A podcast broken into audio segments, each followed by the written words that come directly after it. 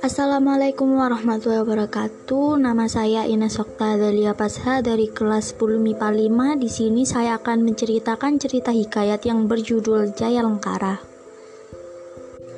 Tersebut cerita seorang raja yang terlalu besar kerajaannya.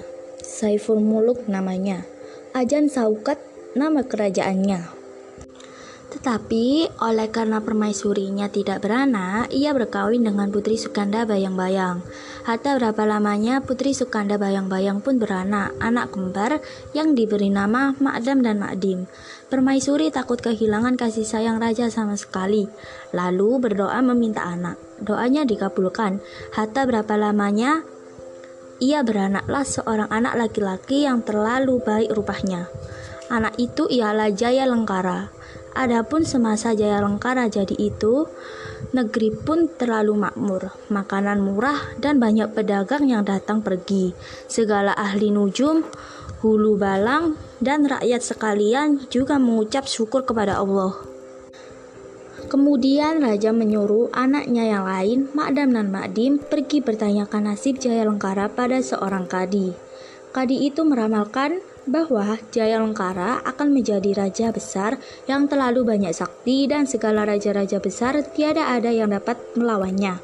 Dan segala margastua juga tunduk kepadanya dengan khidmat. Mendengar ramalan yang demikian, Makdam dan Makdim menjadi sakit hatinya.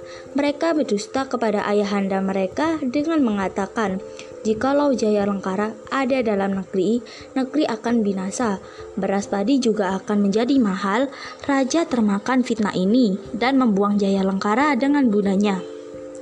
Naga Guna menyelamatkan Jaya Lengkara. Bersama-sama mereka akan pergi ke negeri Peringgi.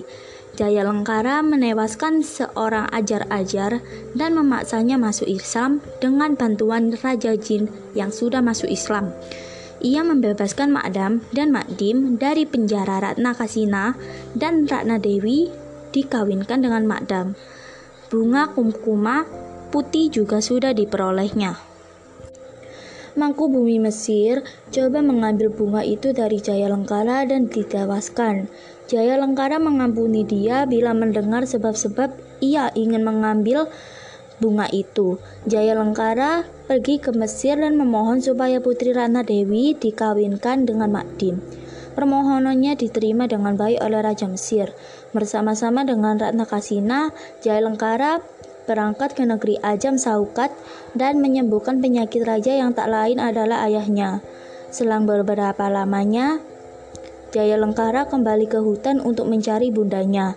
Ratna Kasina menyusur tidak lama kemudian karena tidak tahan diganggu oleh Makdam dan Makdim yang sudah ke negeri Ajam Saukat karena berahi mereka akan putri Ratna Kasina.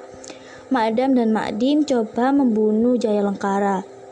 Nagaguna menyelamatkan dan membawanya bersama dengan Putri Ratna Kasina ke negeri Madinah.